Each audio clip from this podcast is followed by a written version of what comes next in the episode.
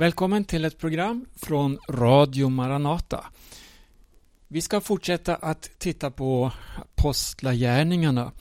Vi har läst fram till det femtonde kapitlet. Och I dagens program ska vi titta lite närmare på ett speciellt möte som ägde rum i Jerusalem.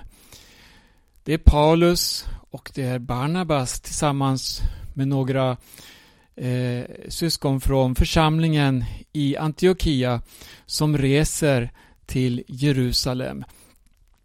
Innan vi läser här i Apostlagärningarna så ska vi titta på en parallell händelse som ägde rum ungefär samtidigt.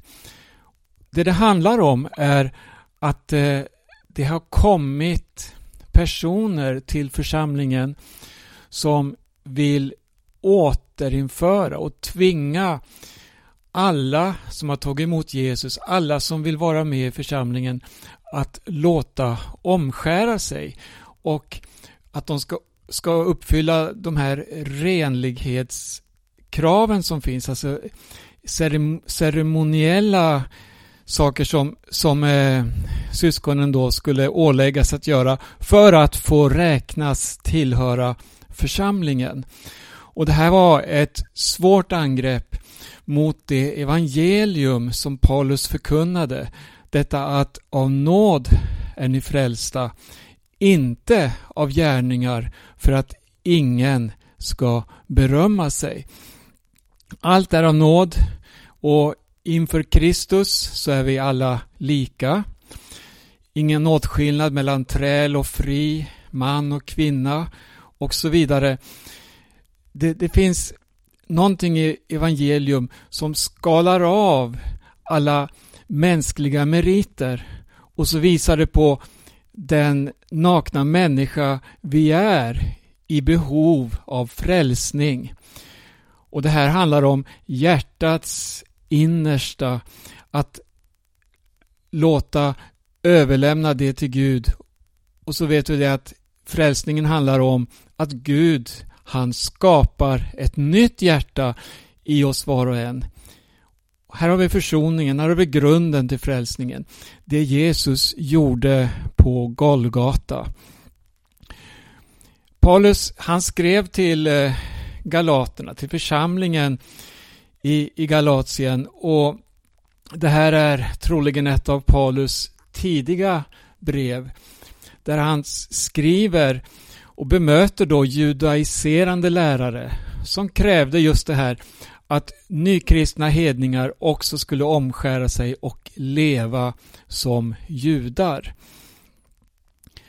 Det, eh, tidpunkten för det här brevet det sammanfaller förmodligen med eh, mötet i Jerusalem. Antingen skrevs det strax före det mötet eller också direkt efter. Och det, Jag tror det är väldigt bra att ha med någonting från det här brevet. När vi läser Apostlagärningarna 15 så förstår vi hur, hur allvarlig den här frågan var och hur djupt den satt hos eh, judarna speciellt då i den tradition man levde. Paulus skriver så här i Galaterbrevet 1 och 6.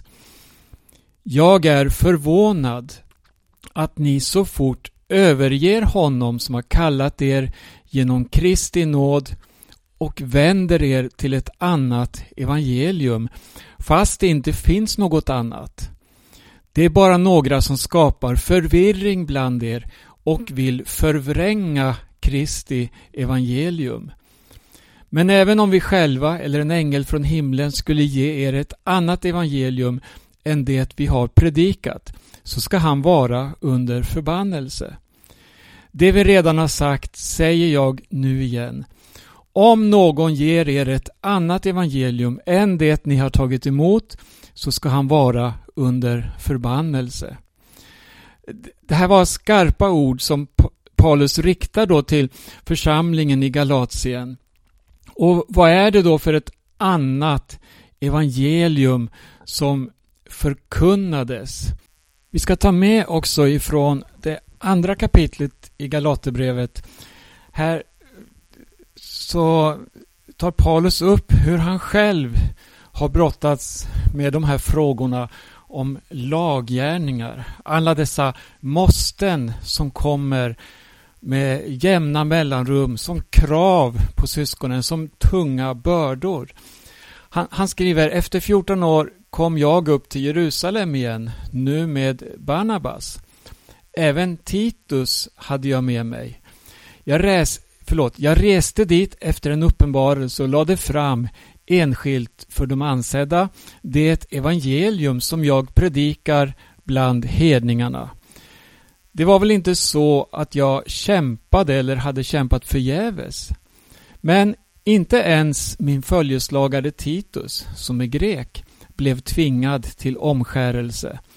Det ville annars de falska bröder som hade nästlat sig in.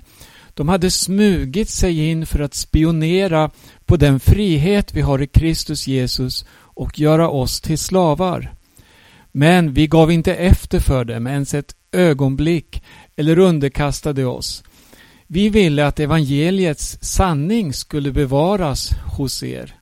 Och det som sågs det som ansågs betydelsefulla, hurudana det nu var, gör ingen skillnad för mig. Gud ser inte till personens yttre. Dessa ansedda ville inte ålägga mig något mer.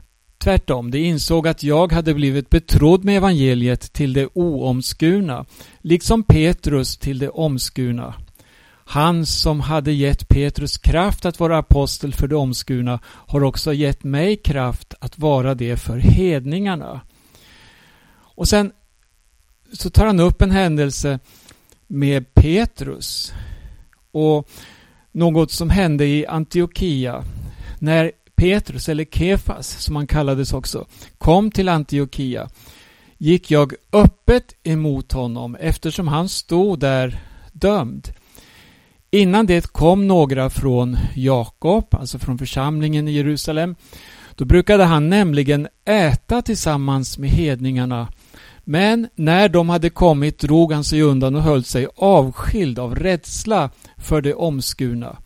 Även de andra judarna hycklade på samma sätt så att till och med Barnabas drogs med i deras hyckleri. Men när jag såg att de inte var på rätt väg efter evangeliets sanning sade jag till Kefas inför alla Om du som är jude kan leva som hedning och inte som jude varför tvingar du då hedningarna att leva som judar? Och så talar han, eller han skriver sedan här om rättfärdig genom tro och inte genom gärningar. Och det här är återkommande i hela Galaterbrevet där Paulus grundligt går igenom detta nådens evangelium och hur eh, traditionen och laggärningar många gånger försöker förstöra och förvränga budskapet så att det blir tunga bördor för människor. Man lägger som ok på. Och menar att man måste uppfylla det ena, måste uppfylla det andra och så vidare för att vara frälst.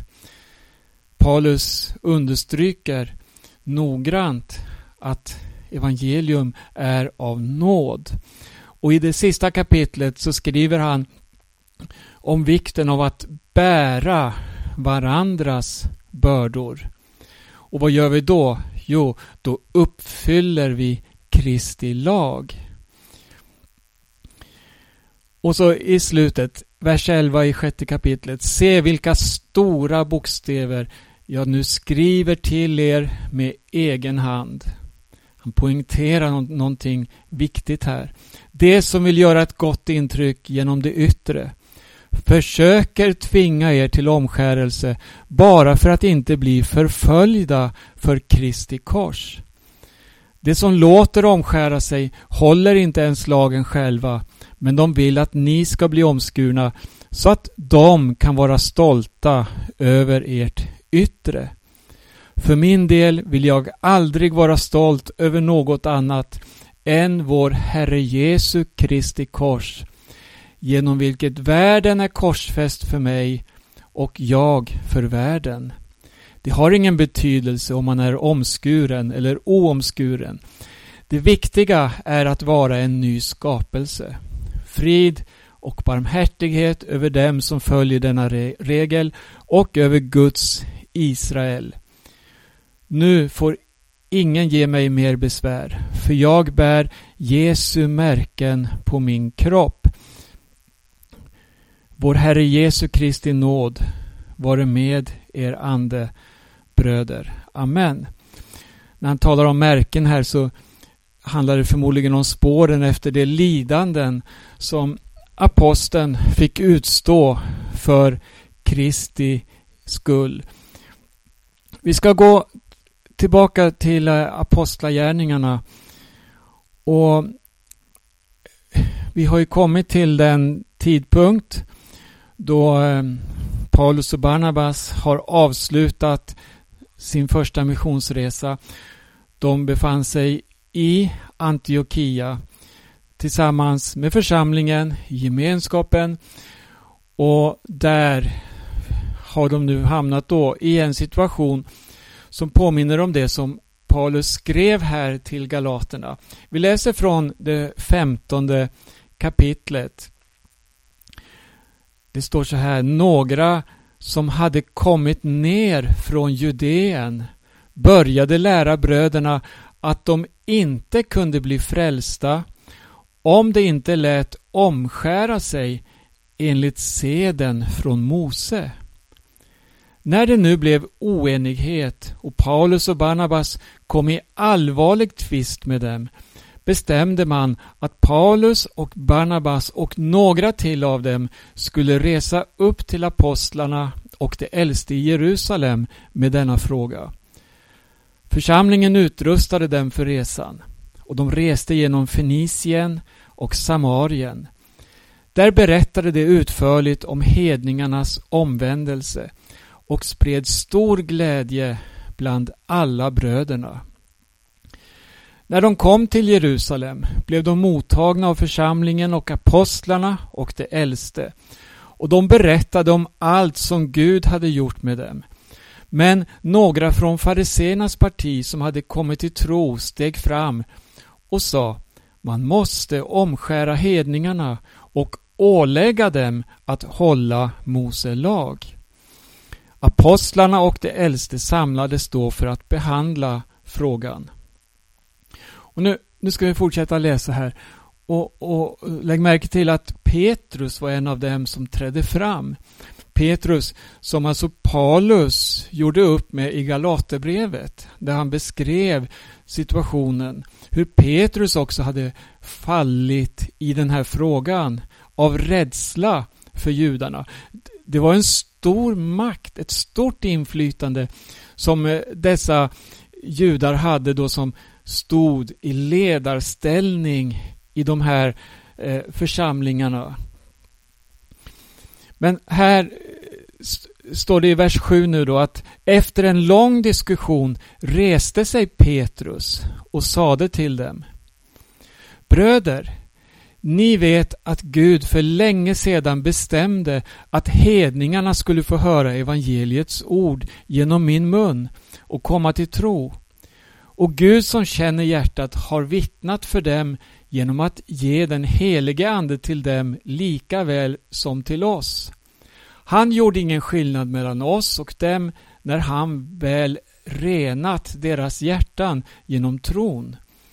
Varför vill ni då utmana Gud och lägga ett ok på lärjungarnas axlar som varken våra fäder eller vi själva har kunnat bära? Nej, vi tror att det är genom Herren Jesu nåd vi blir frälsta, vi på samma sätt som det. Här deklarerar Petrus tydligt då inför församlingens ledning i Jerusalem vad evangeliet handlar om. Det är av nåd. Och det är ingen skillnad beroende på om man är jude eller hedning utan budskapet har kommit till oss alla på samma sätt med samma grund.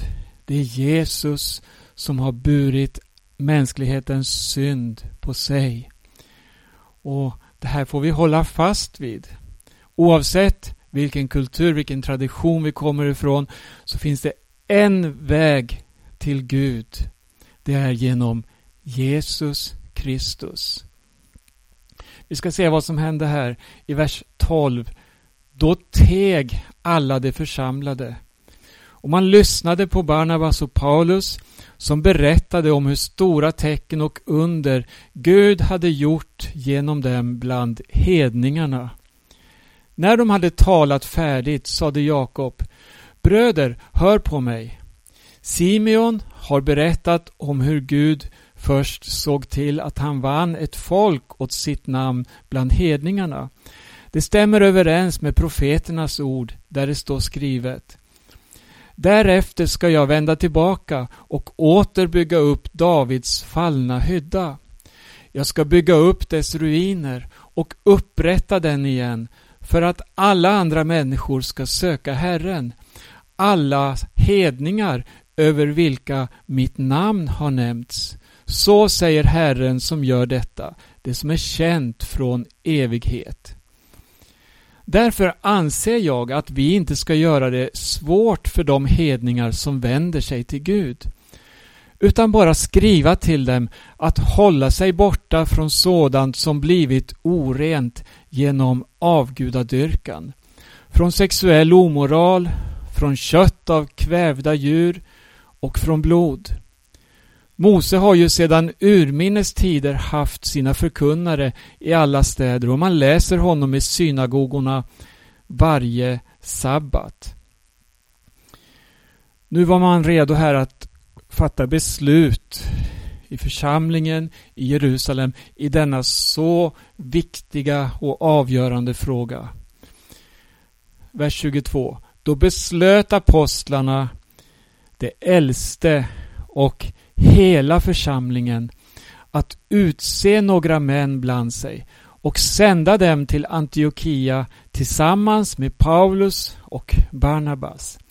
De valde Judas som kallades Barsabas och dessutom Silas, båda ledande män bland bröderna, och skickade med dem följande brev. Från apostlarna och de äldste, era bröder, hälsningar till bröderna från hedna folken i Antiochia och Syrien och Kilikien.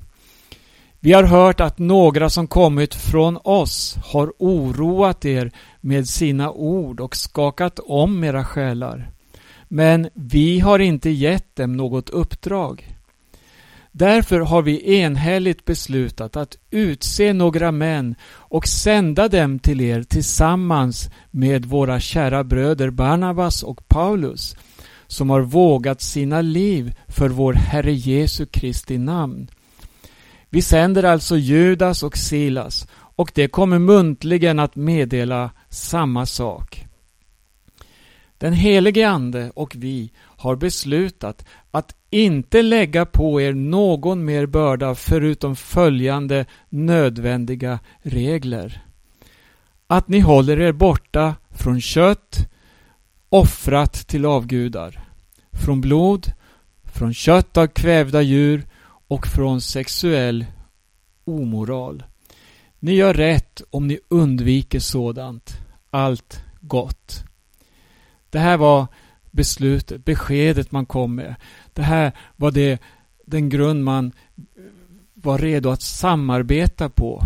Det handlar om att lyfta fram evangelisk sanning och skala bort alla dessa mänskliga traditioner och påbud som man ville lägga då som ett ok över församlingen.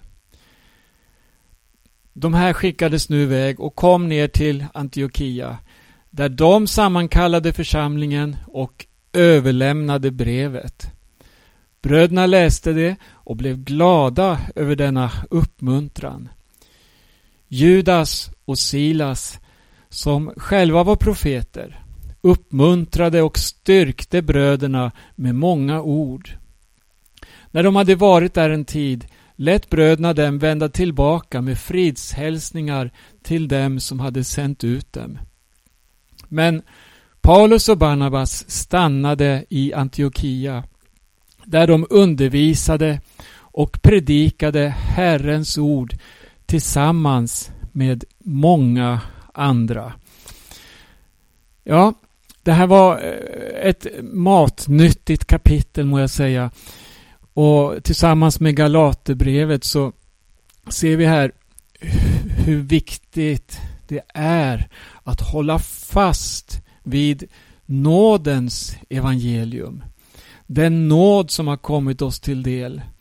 Vi är frälsta inte på grund av gärningar. Ingen människa ska kunna berömmas, berömma sig att vara för mer än någon annan. Nej, inför Gud så står vi alla som syndare, eller som Paulus skriver till romarna.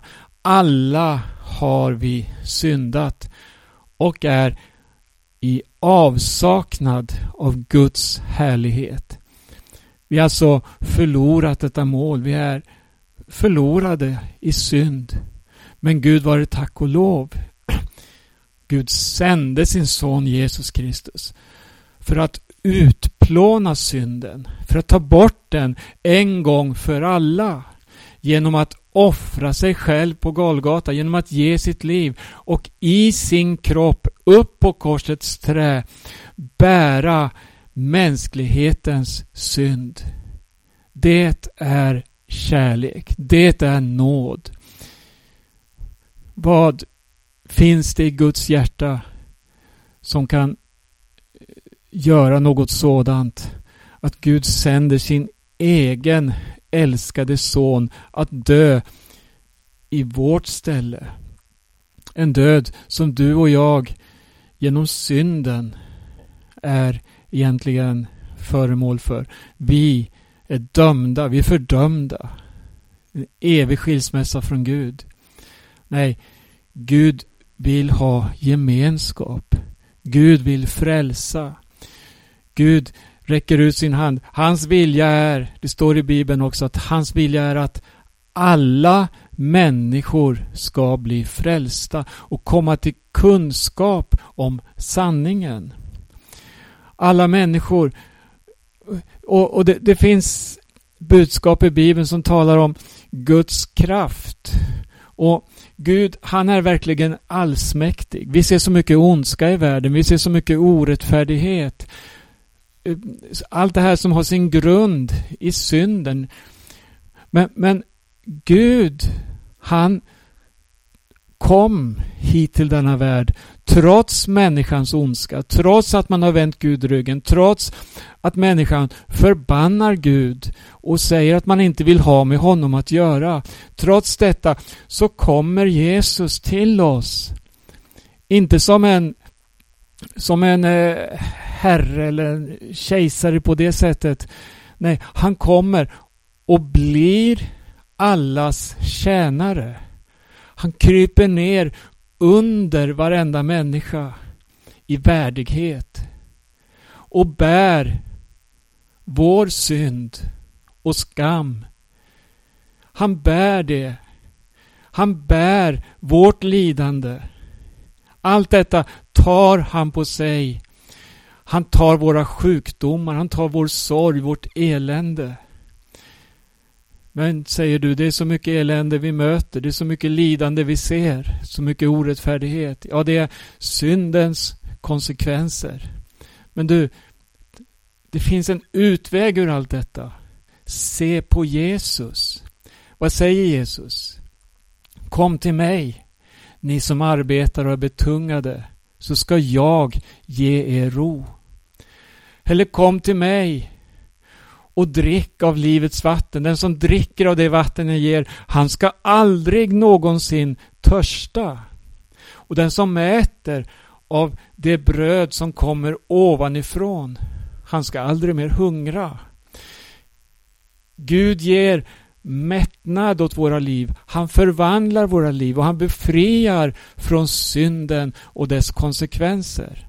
ta emot Jesus. Det är det som är framtiden, det är det som är livet. Han vill frälsa från fördömelse, från ondska. Ja, men det är så många som i Guds namn också gör så mycket ondska. Ja, där ser vi människan som missbrukar, som eh, förleder, förför människor, som skapar förvirring och så vidare. Men se bort från allt ont människor gör. Allt ont som skapats under mänsklighetens historia. Genom dess, vare sig det är religiösa eller hedniska traditioner. Inget av det kan frälsa, men se på Jesus i allt. Han kan frälsa. Han är mäktig att skapa ett nytt liv i dig. Han kan hela din familj. Han kan upprätta och lösa dessa störda relationer som finns mellan människor. Han gör allting nytt. Konflikter kommer vi att leva med, tyvärr. Och jag ska avsluta det här programmet med att presentera ännu något som hände i slutet av det femtonde kapitlet. Det var ju så att Paulus och Barnabas de förberedde sig för en ny missionsresa. Paulus sa så här till Barnabas. Vi borde resa tillbaka och besöka bröderna i alla städerna där vi predikat Herrens ord och se hur de har det. Barnabas ville då ta med Johannes som kallades Markus. Men Paulus tyckte inte det var lämpligt att ta med sig den som hade övergett dem i Pamfylien och inte följt med dem i arbetet. Hör här nu. Konflikten blev så skarp att de skildes åt. Här ser vi också en konflikt. Det, konflikter finns, konflikter kommer.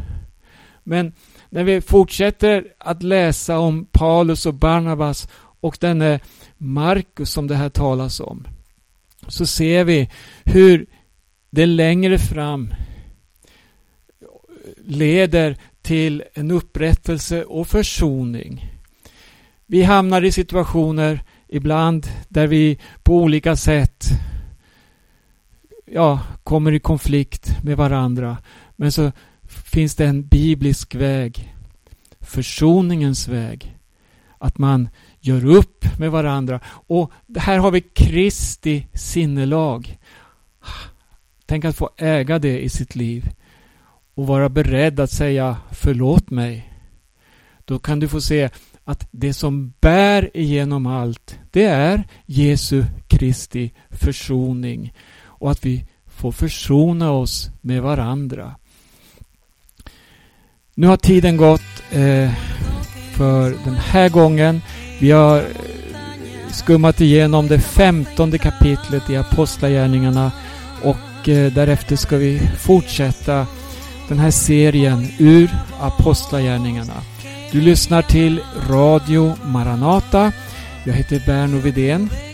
Vi sänder varje morgon klockan 8 måndagar och onsdagar klockan 18 över Stockholm och över Örebro.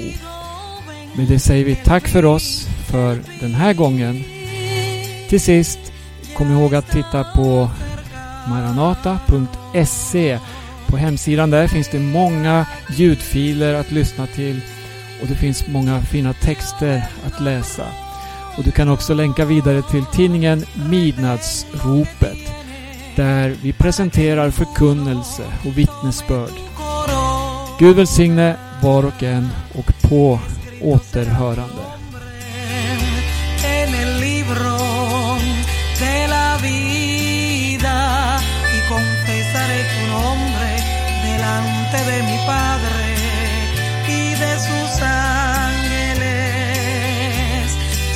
Fiel hasta la muerte, te daré la corona